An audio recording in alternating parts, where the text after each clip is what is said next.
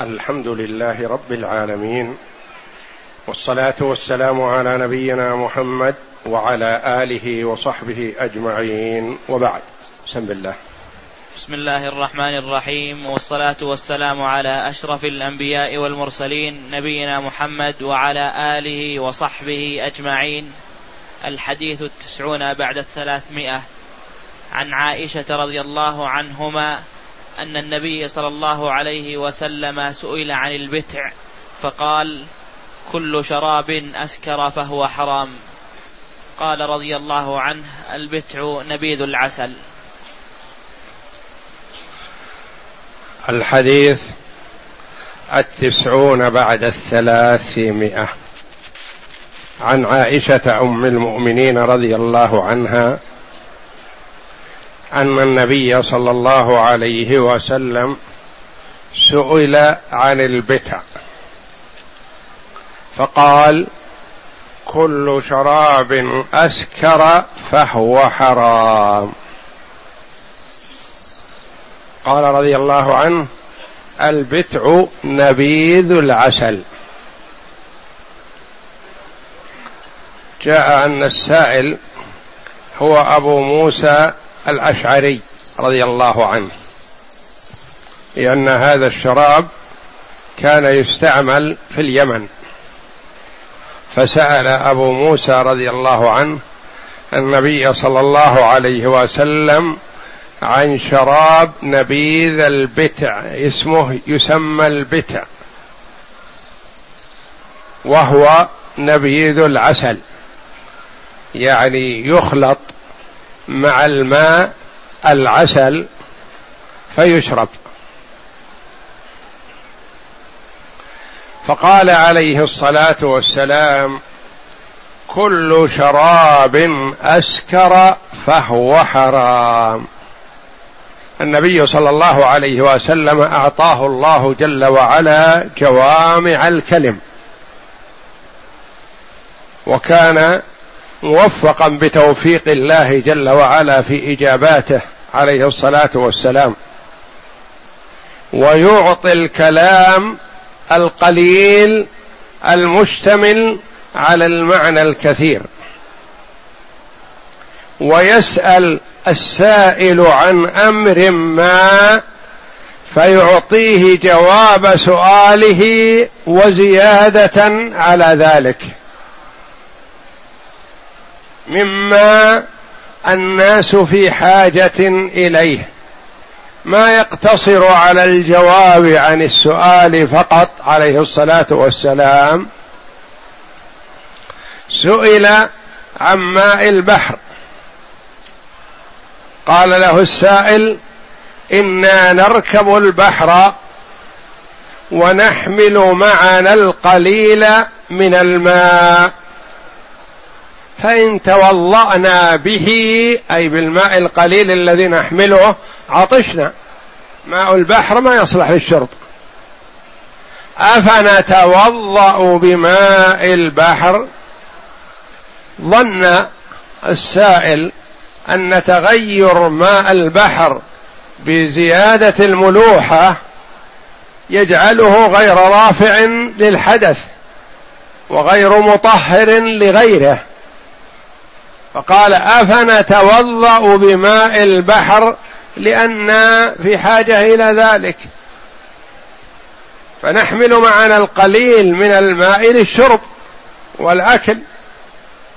فلو توضأنا به ما بقي معنا شيء والمسافة بعيدة في البحر.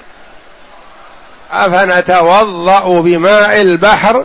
فقال عليه الصلاة والسلام هو أي البحر الطهور ماؤه الحل ميتته. لأن من يركب البحر في حاجة إلى معرفة حكم ميتة البحر. لأنه يجد في البحر السمك حي فيرفعه من البحر فيموت فيأكله. لكن يجدون في البحر سمكا ميت. فهل يحل وقد مات حتف أنف بدون فعل آدمي؟ نعم. قال هو الطهور ماؤه الحل ميتته. وهنا يسأل السائل عن البتع. هل يصح يجوز لنا أن نشربه؟ قال عليه الصلاة والسلام كل شراب أسكر فهو حرام. البتع والمزر والنبيذ نبيذ ال... الذي تخمر وأسكر والخمر بأنواعها من أي نوع صيغت وجمعت فهي حرام. ينظر هذا الشراب إن كان مسكرا فهو حرام. إن اسكر الكثير منه ولم يسكر القليل فقليله حرام. فالعبرة بالاسكار ولا عبرة بتعدد الأسماء أو تغييرها أو تسميته باسم غير ما عرف تحريمه. كل ما اسكر فهو حرام.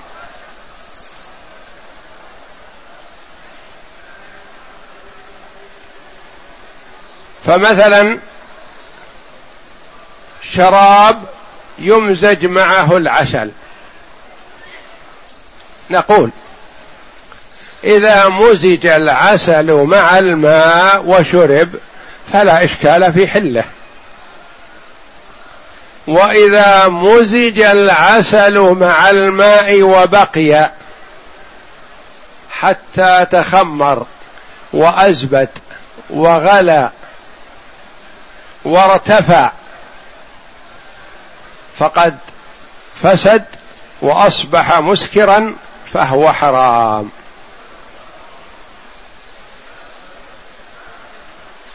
فإن عاد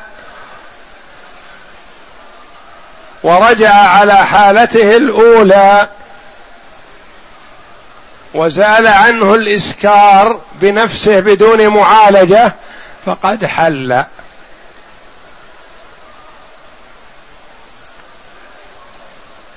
اذا النبيذ له ثلاث حالات. النبيذ سواء كان من العسل أو من التمر أو من الشعير أو من الزبيب أو من الحنطة.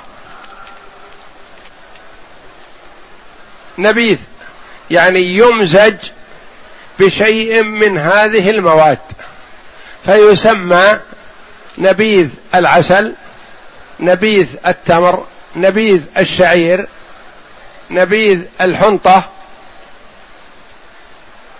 نبيذ العنب. نبيذ. فإذا مزج وشرب مباشرة فلا إشكال في حله لأنه حينئذ لا يسكر. فإن غلا وأزبد وربى يعني زاد في الماعون فقد أصبح مسكرا وأصبح حينئذ حرام. فإن عاد بنفسه بدون أن يخلل وبدون أن يعمل نحوه شيء وعاد على طبيعته الأولى وزال عنه الإسكار فقد حل.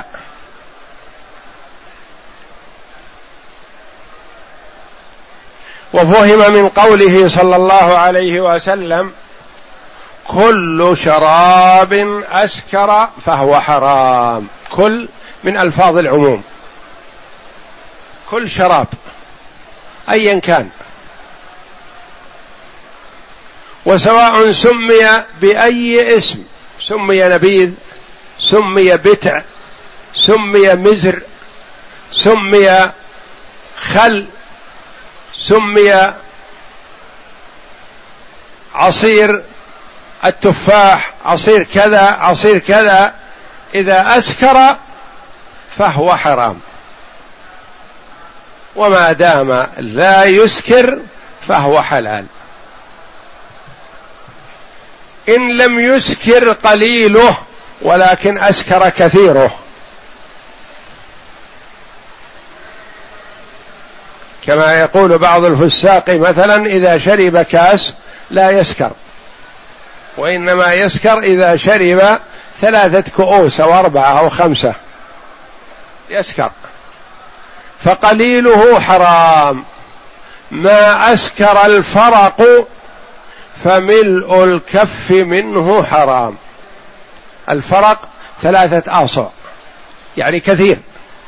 إذا أسكر الكثير فملء الكف يعني الشفة في الفم. منه حرام ما دام كثيره يسكر. كل شراب ايا كان نوعه.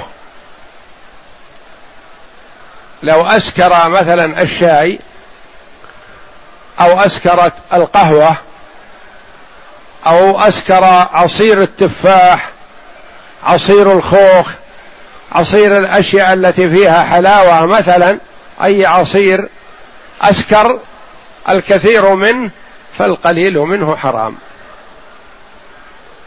ولا عبرة بالأسماء. يسمى ما يسمى ما دام أن الكثير منه يسكر فالقليل منه حرام. وكان الناس يعملون الخل من هذه الأشياء من هذه الأعيان ويجعلونه إدام. فأحيانا يغلو ويكون مسكر فيراق يحرم. أحيانا يكون مسكر ثم يعود إلى طبيعته يترك على حاله بدون معالجة فيعود إلى طبيعته فيكون حلال.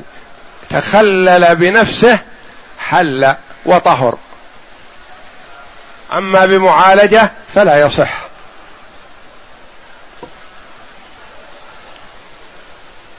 نعم. المعنى الإجمالي. سئل, سئل النبي صلى الله عليه وسلم عن شرب البتع الذي هو نبيذ العسل فأتى صلى الله عليه وسلم بجواب عام شامل مفادة مفاده أنه لا عبرة باختلاف الأسماء ما دام المعنى واحدا والحقيقة واحدة فكل شراب أسكر فهو خمر محرم من أي نوع. والمسكر هو الذي يخلف العقل. يذهب بالعقل ويسمى خمر لأنه يغطي العقل. نعم. من أي نوع أخذ؟ وهو من جوامع كلمه صلى الله عليه وسلم وحسن بيانه عن ربه. وبهذا جاء من العلم في مدة في مدة بعثته بما يسعد البشرية في الدنيا والآخرة.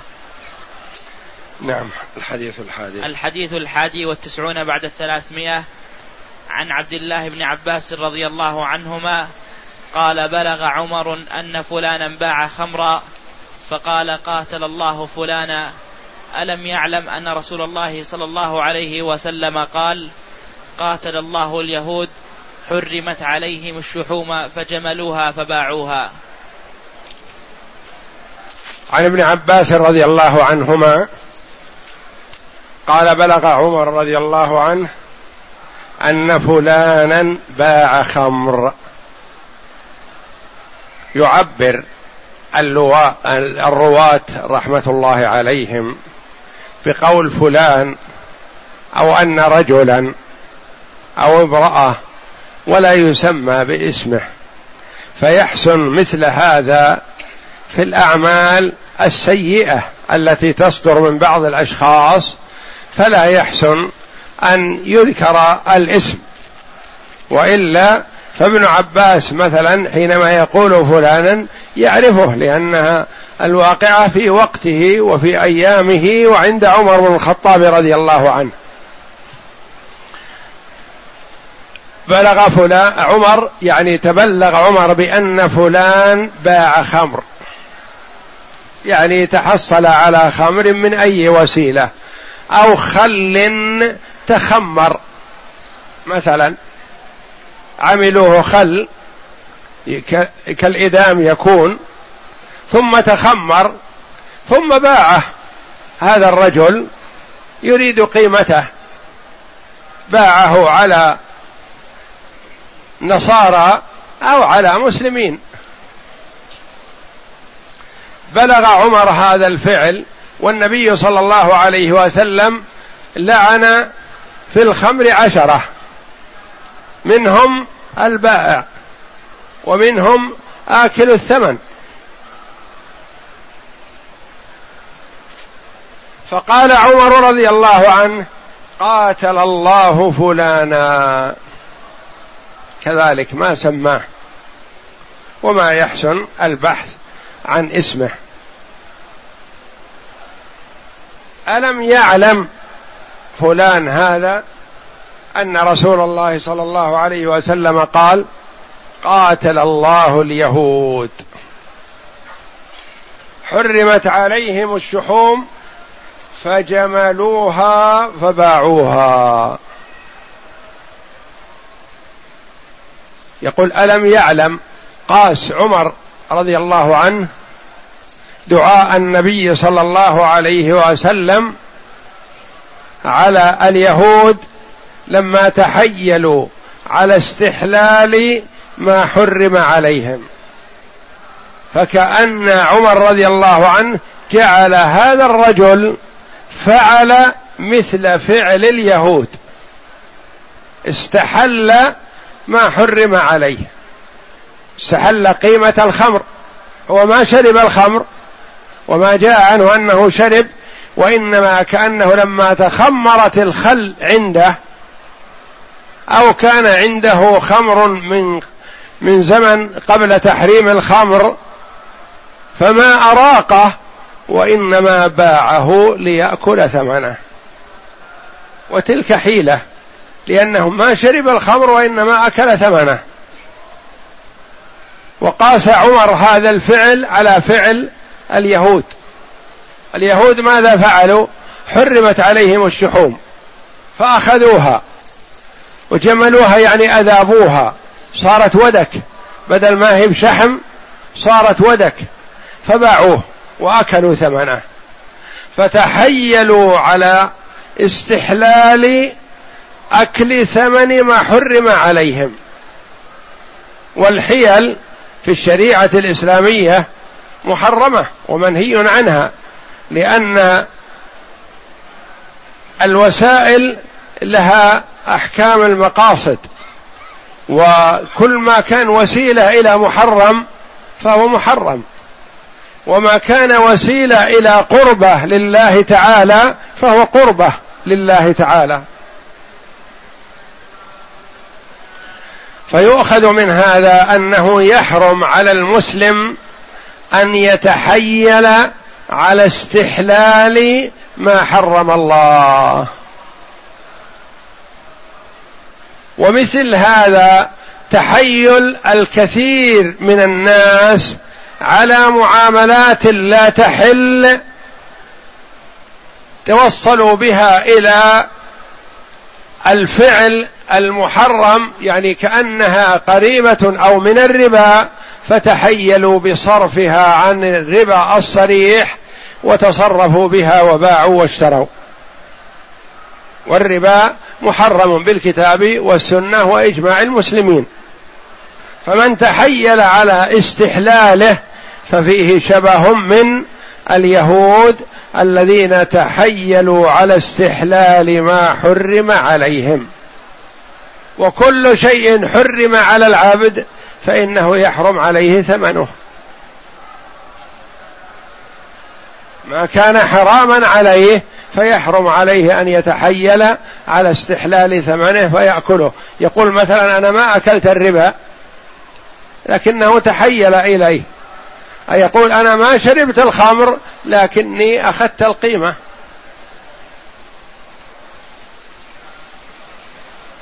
نعم.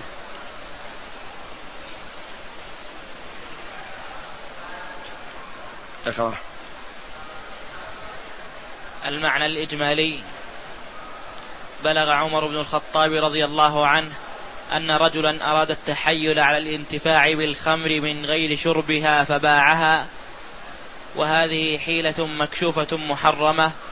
ولذا فإن عمر رضي الله عنه دعا عليه دعاء كدعاء النبي صلى الله عليه وسلم على اليهود المتحيلين فقال بجامع الحيلة من كل من. فاليهود تحيلوا وهذا الرجل تحيل على استحلال المحرم فدعا عليه عمر رضي الله عنه بمثل ما دعا النبي صلى الله عليه وسلم به على اليهود. نعم. قاتله الله ألم يعلم أن التحيل حرام؟ لأنه مخادعة لله ورسوله. يعني حيلة. يصل إلى الحرام من غير طريقه الواضح. فقد قال النبي صلى الله عليه وسلم قاتل الله اليهود لما حرم الله عليهم الشحوم عمدوا إلى الانتفاع بها بالحيلة. إذ غيروا إذ غيروا الشحم عن صفته فأذابوه ثم باعوه. يعني ما باعوه وهو شحم محرم عليهم وإنما أذابوه. فأكلوا فصار ودك. بدل ما هو بشحم. نعم. فأكلوا ثمنه وقالوا تحيلا وخداعا لم نأكل الشحم المحرم علينا وهم يخادعون الله وهو خادعهم. الفوائد تحريم المعاملة بالخمر ببيع أو شراء أو عمل أو إعانة بأي نوع كان.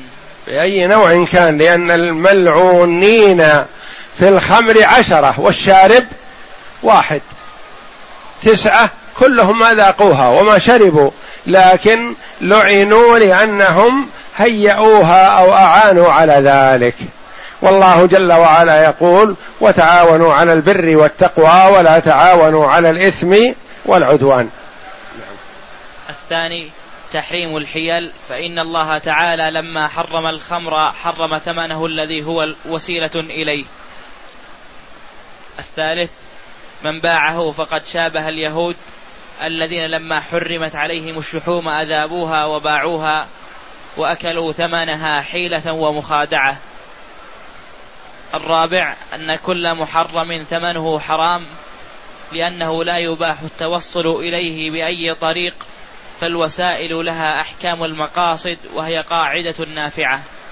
والله أعلم وصلى الله وسلم وبارك على عبده ورسول نبينا محمد وعلى آله وصحبه أجمعين.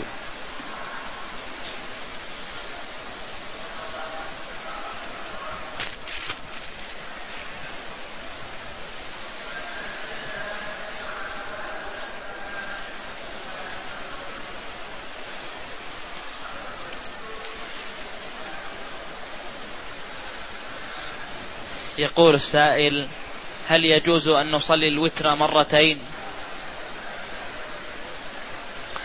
لا يا أخي لا يجوز لأن النبي صلى الله عليه وسلم قال لا وتران في ليلة.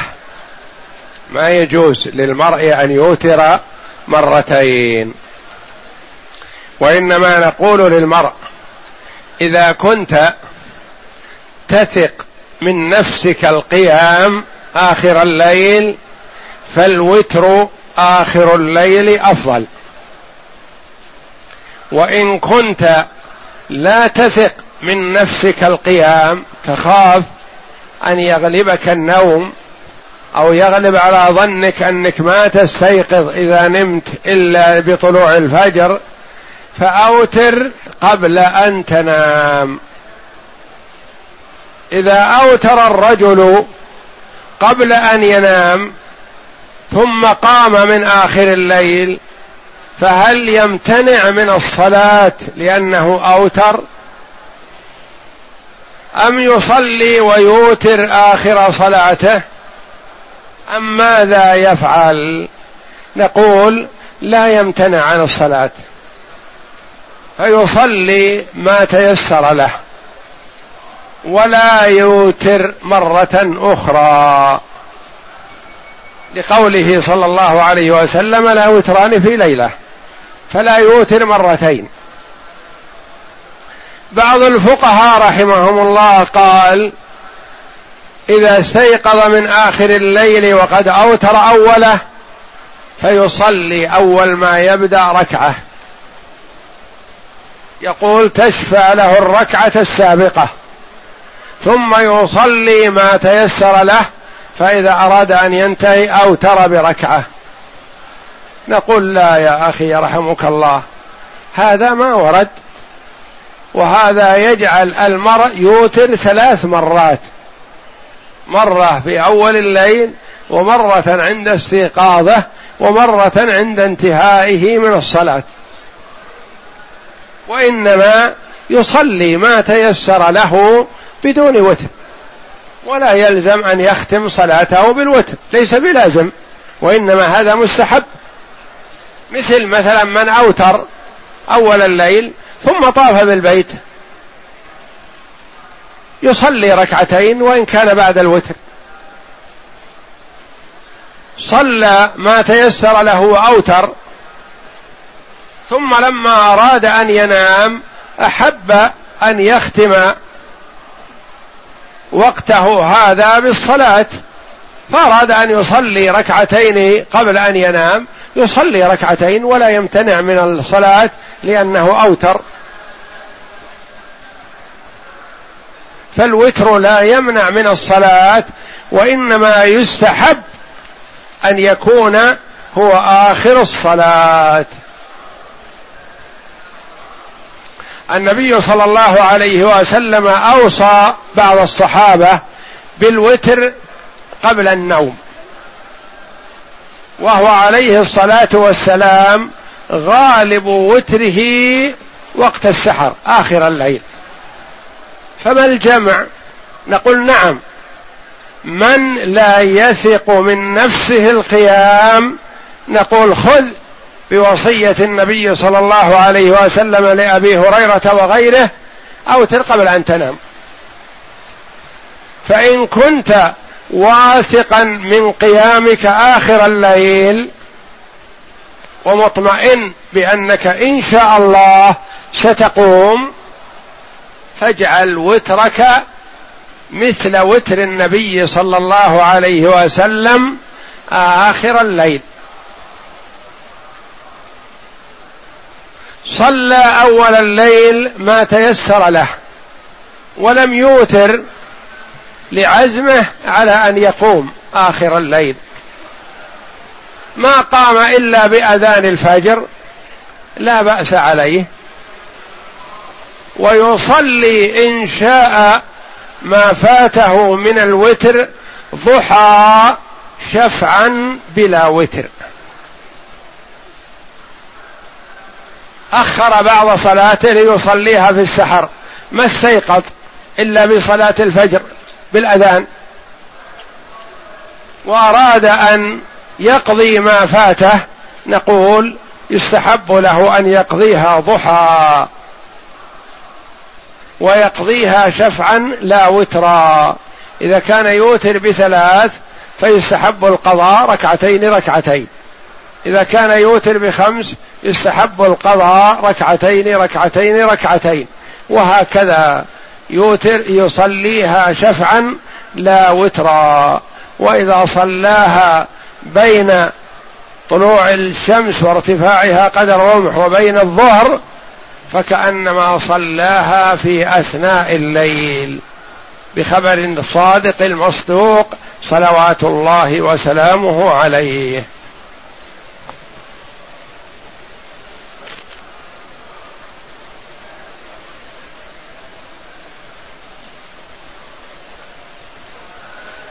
يقول السائل إذا طهرت المرأة من الحيض هل يجوز لزوجها أن يجامعها قبل أن تغتسل؟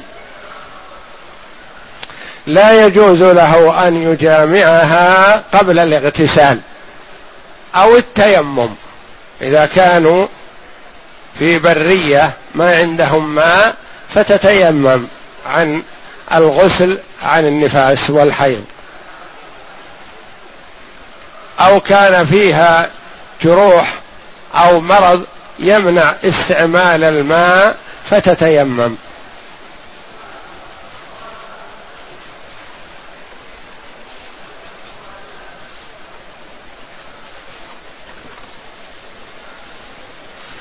يقول السائل إذا عقد شخص على امرأة ثم طلقها قبل الدخول بها هل يجوز له أن يتزوج أمها؟ لا يجوز له أن يتزوج أمها ما دام عقد عليها. فالأم تحرم بالعقد على البنت. والبنت لا تحرم إلا بالدخول على الأم.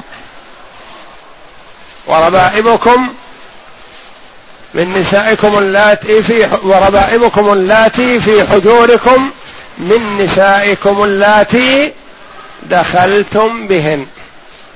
فالأم تحرم بالعقد على البنت. والبنت لا تحرم إلا بالدخول على الأم.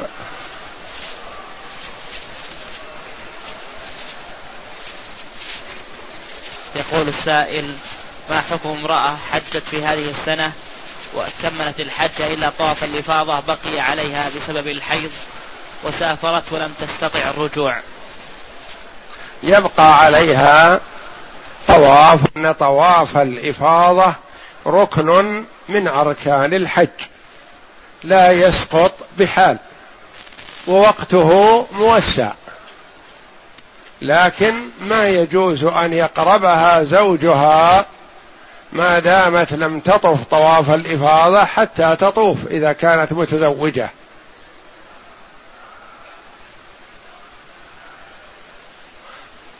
فأركان الحج أربعة ما تسقط بحال. وواجبات الحج ثمانية ما أتي به منها فحسن وما عجز عنه أو تركه يجبره هدي. والسنن كثيرة ولا يلزم بتركها هدي. أركان الحج أربعة ما تسقط بحال وهي نية الدخول في النسك. وهذا إذا لم ينوي معناه ما دخل في النسك. والوقوف بعرفة من فاتته عرفة فاته الحج. والطواف طواف الإفاضة والسعي. ووقتهما موسع الطواف والإفاضة. الطواف والسعي وقتهما بحمد الله موسع.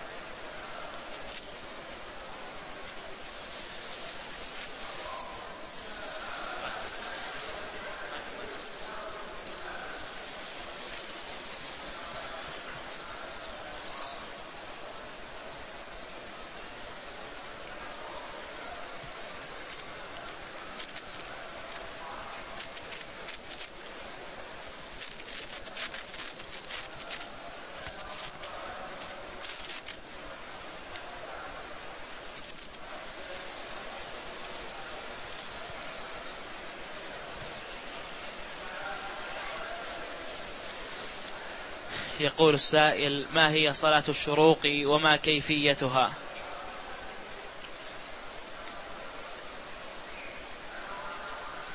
صلاة الشروق وصلاة الضحى هي هي.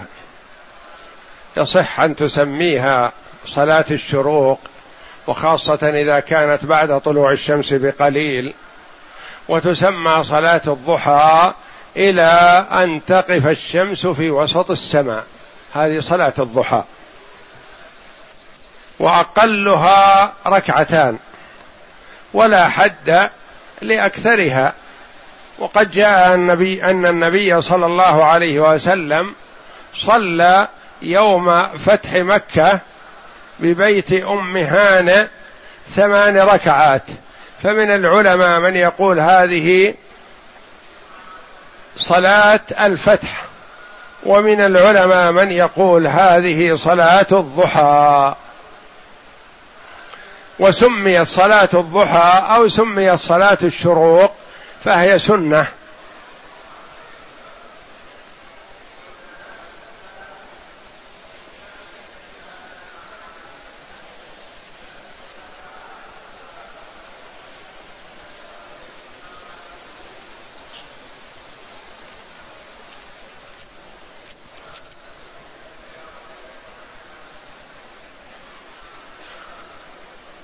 يقول السائل.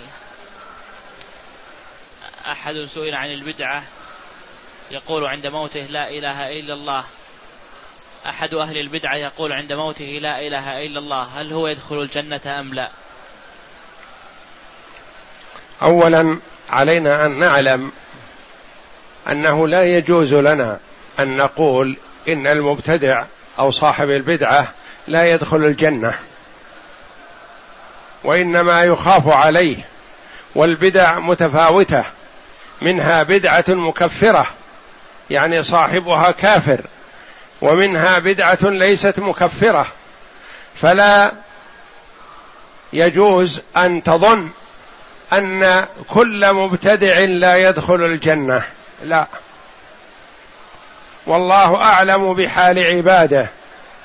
ولا يجوز لنا أن نشهد لأحد بجنة ولا نشهد لأحد بنار إلا من شهد له النبي صلى الله عليه وسلم بالجنة. النبي صلى الله عليه وسلم شهد لبعض الصحابة بالجنة نشهد له بذلك لأن النبي صلى الله عليه وسلم لا ينطق عن الهوى. ولكن لا نشهد لغير من شهد له النبي صلى الله عليه وسلم بالجنة. كذلك لا يجوز لنا أن نقول إن فلان من أهل النار. إلا من مات على الكفر البواح الظاهر الصريح. وأما إذا كان عنده شيء من البدعة فالله أعلم بمآله. ولم نكلف بالحكم عليه في الدار الآخرة. ومر علينا قريبا قول الرجل والله لا يغفر الله لفلان. أو والله لا يغفر الله لك لما نصح أخاه عن المعصية. فقال دعني وربي قال والله لا يغفر الله لك. جمع الله بين الاثنين فقال للذي حلف الا يغفر لفلان. هل كنت بي عليما هل كنت علي رقيبا؟ أو كما جاء في الحديث وقال للآخر اذهبوا به فأدخلوه الجنة برحمتي. قال خلني وربي. وأحبط عمل الأول لأنه تآلى على الله. ما يجوز للمرء أن يقول إن فلانا لا يدخل الجنة. والمسلم إذا كان آخر كلامه من الدنيا شهادة أن لا إله إلا الله يرجى له الخير.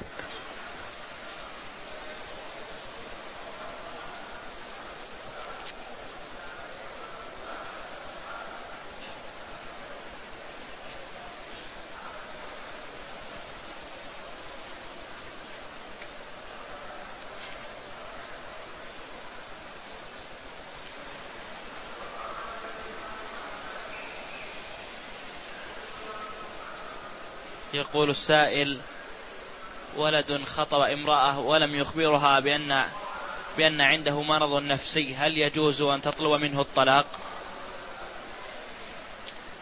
مثل هذه الأمور مردها إلى الحاكم لأن العيوب التي تكون في الزوج أو في الزوجة منها ما يتساهل به ولا يوجب الإلزام بالطلاق أو يوجب أن الرجل يخلع زوجته ويطلب مهره ومنها ما هي عيوب مخلة. إذا غش الرجل بذلك فله أن يطلب مهره ويفارق المرأة. وإذا غشت المرأة بذلك فلها أن تطلب الطلاق ويلزمه الحاكم بطلاقها إذا كان قد غش زوجته بعيب لا يتساهل فيه. فالعيوب متفاوتة والمرض النفسي يتفاوت ليس على وتيرة ودرجة واحدة.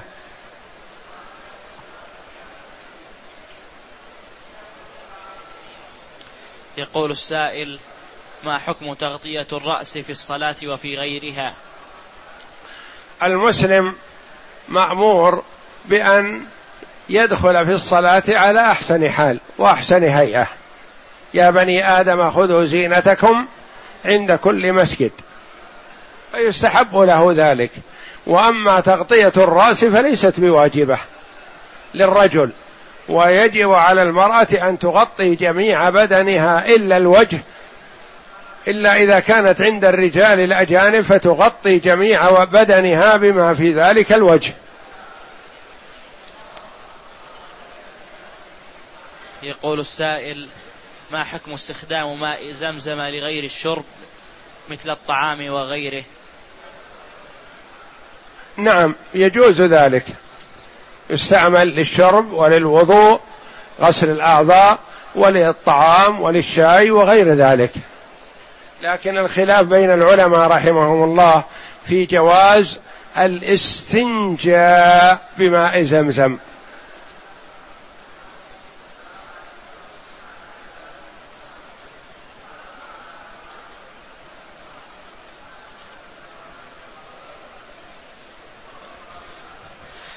يقول السائل للنبيذ ثلاثة أحكام فما هي؟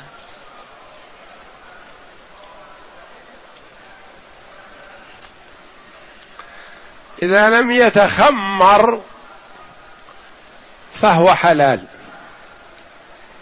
فإن تخمر وغلى وأزبد حرم. فإن رجع وتخلل بنفسه بدون معالجة حل.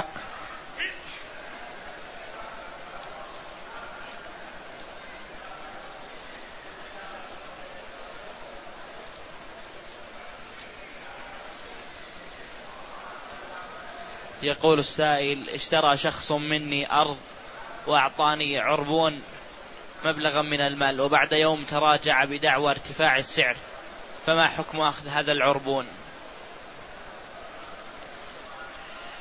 البيع لازم ويلزمه الشراء ودفع بقية القيمة فإن أقلته أنت بطيب خاطر منك فأنت مأجور بهذا.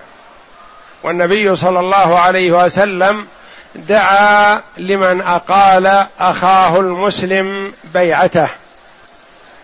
فإذا أقلته باختيارك فأنت مأجور.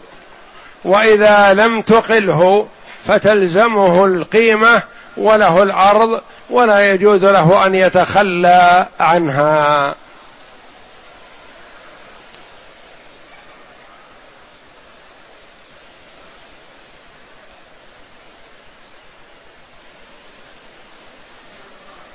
يقول السائل ماذا يعمل إذا كانت رجله مقطوعة إلى الكعبين عند الوضوء؟ من كانت رجله مقطوعة إلى الكعبين عند الوضوء فيغسل طرف رجله طرفها وإن كانت مقطوعة من أعلى من الكعبين فحينئذ لا يلزمه شيء. نحو رجله. لا يلزمه غسل ساقه لأن الساق ليس من فروض الوضوء.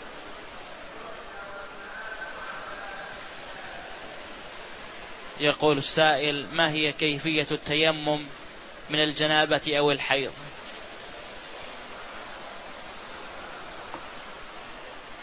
التيمم عن الجنابة وعن الحيض مثل التيمم عن الوضوء سواء بسواء وإنما يختلف بالنية.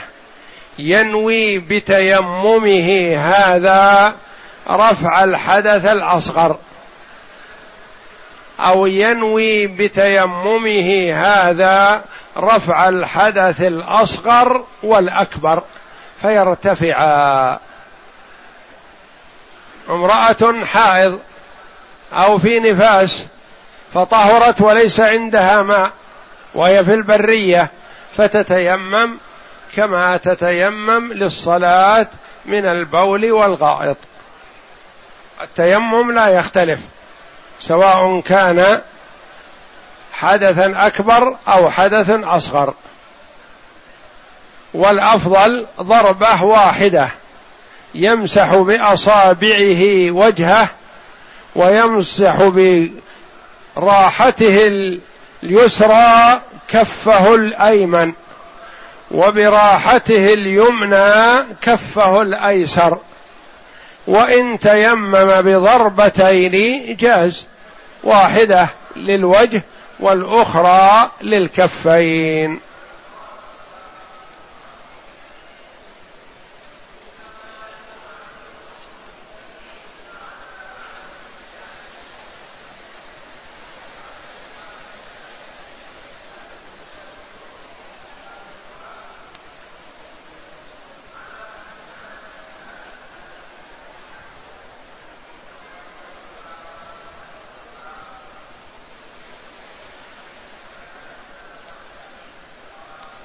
يقول السائل تزوجت ولم تعلم زوجتي إلا بعد ذلك فهل عملي صحيح؟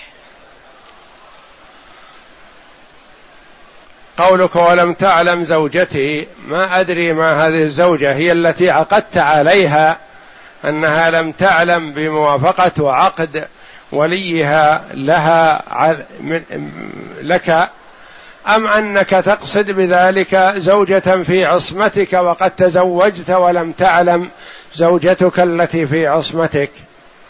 فإن كنت تقصد أنك تزوجت ولم تعلم زوجتك الأولى التي في عصمتك فلا بأس عليك ولا حرج في هذا.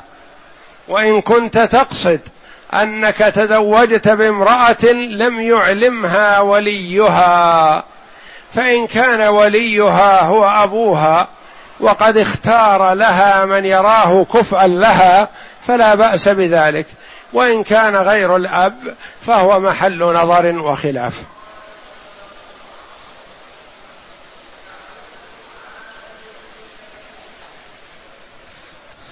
يقول السائل هل مدمن الخمر تنفعه الصلاة والصيام وسائر العبادات؟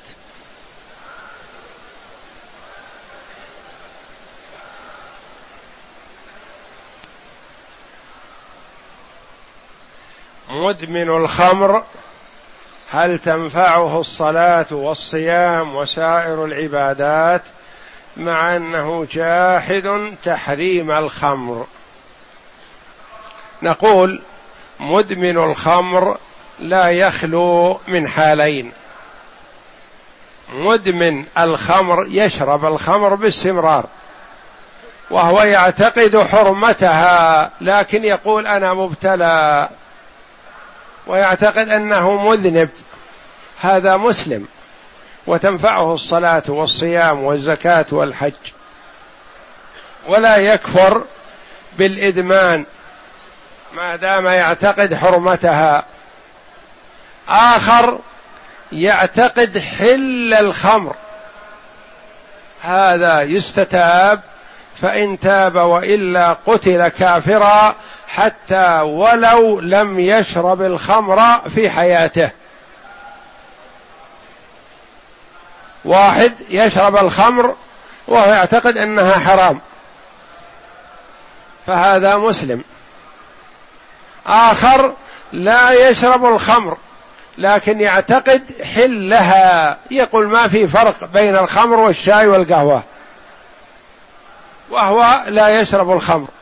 هذا يستتاب فإن رجع وتاب واعتقد حرمة الخمر خلي سبيله وإلا قتل كافرا مرتدا عن الإسلام. لأنه استحل ما علم من الدين بالضرورة حرمته.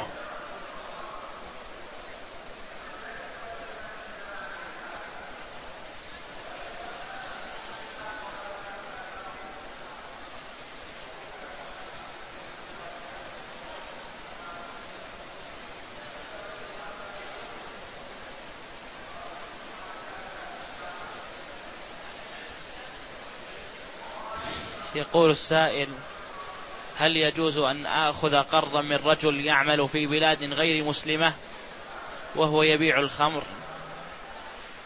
أما الاقتراض تأخذ منه قرض بدون فائدة ولا ربا فيجوز أن تقترض من المسلم ومن اليهودي ومن النصراني وايا كان عمله. لا يضيرك. لأنك أخذت منه دراهم وستعيد عليه بدلها. والدراهم التي تأخذها ليست بنجسة. حتى وإن كانت نسبة لصاحبها محرمة عليه لأنها من كسب خبيث فأنت اقترضت قرضا فلا يضيرك. فالقرض الحسن الذي يعطيك الدراهم على أن ترد عليه مثلها سواء بسواء. ولك أن تقترض من المسلم ومن غيره ومن الفاسق ومن المؤمن. وأما القرض بفائدة ربوية فهذا محرم بين المسلم والمسلم أو بين المسلم والكافر.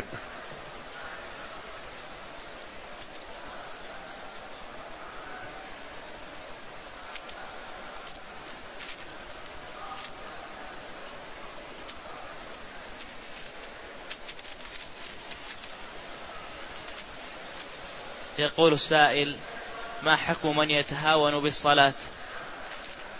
الصلاة أهم أركان الإسلام بعد شهادة أن لا إله إلا الله وأن محمد رسول الله. وهي عمود الإسلام ولا حظ في الإسلام لمن ضيع الصلاة.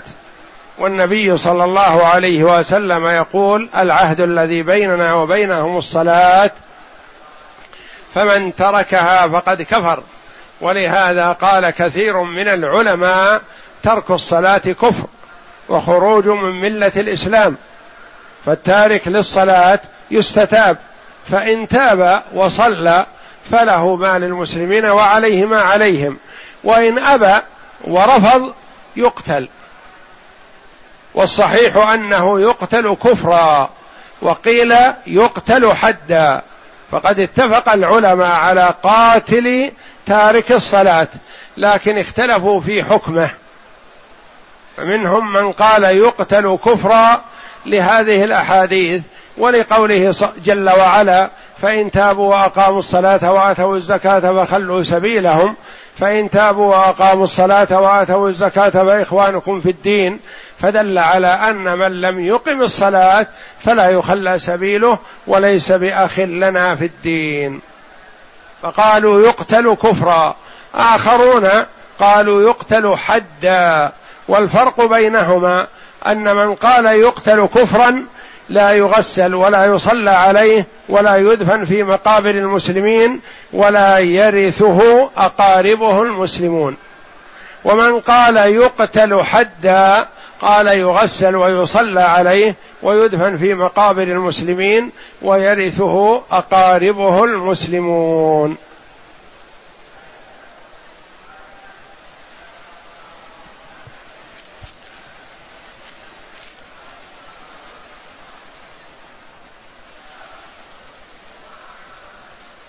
يقول السائل إذا طول الإمام في في القراءة هل يجوز أن أقرأ الفاتحة؟ مرة أخرى أو أي سورة خلف الإمام؟ لا يا أخي لا تعيد قراءة الفاتحة وإنما اقرأ ما تيسر لك من القرآن غيرها. إذا كنت لا تسمع قراءة الإمام. أما إذا كنت تسمع قراءة الإمام فأنصت لقراءته. ولا تقرأ سورة الفاتحة مرتين.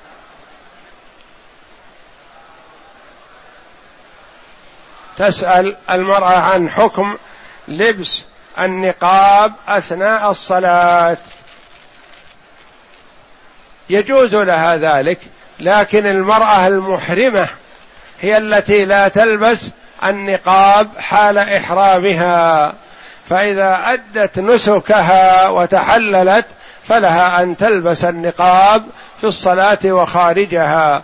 وإذا كانت بمرأى من الرجال الأجانب فيجب عليها ستر وجهها.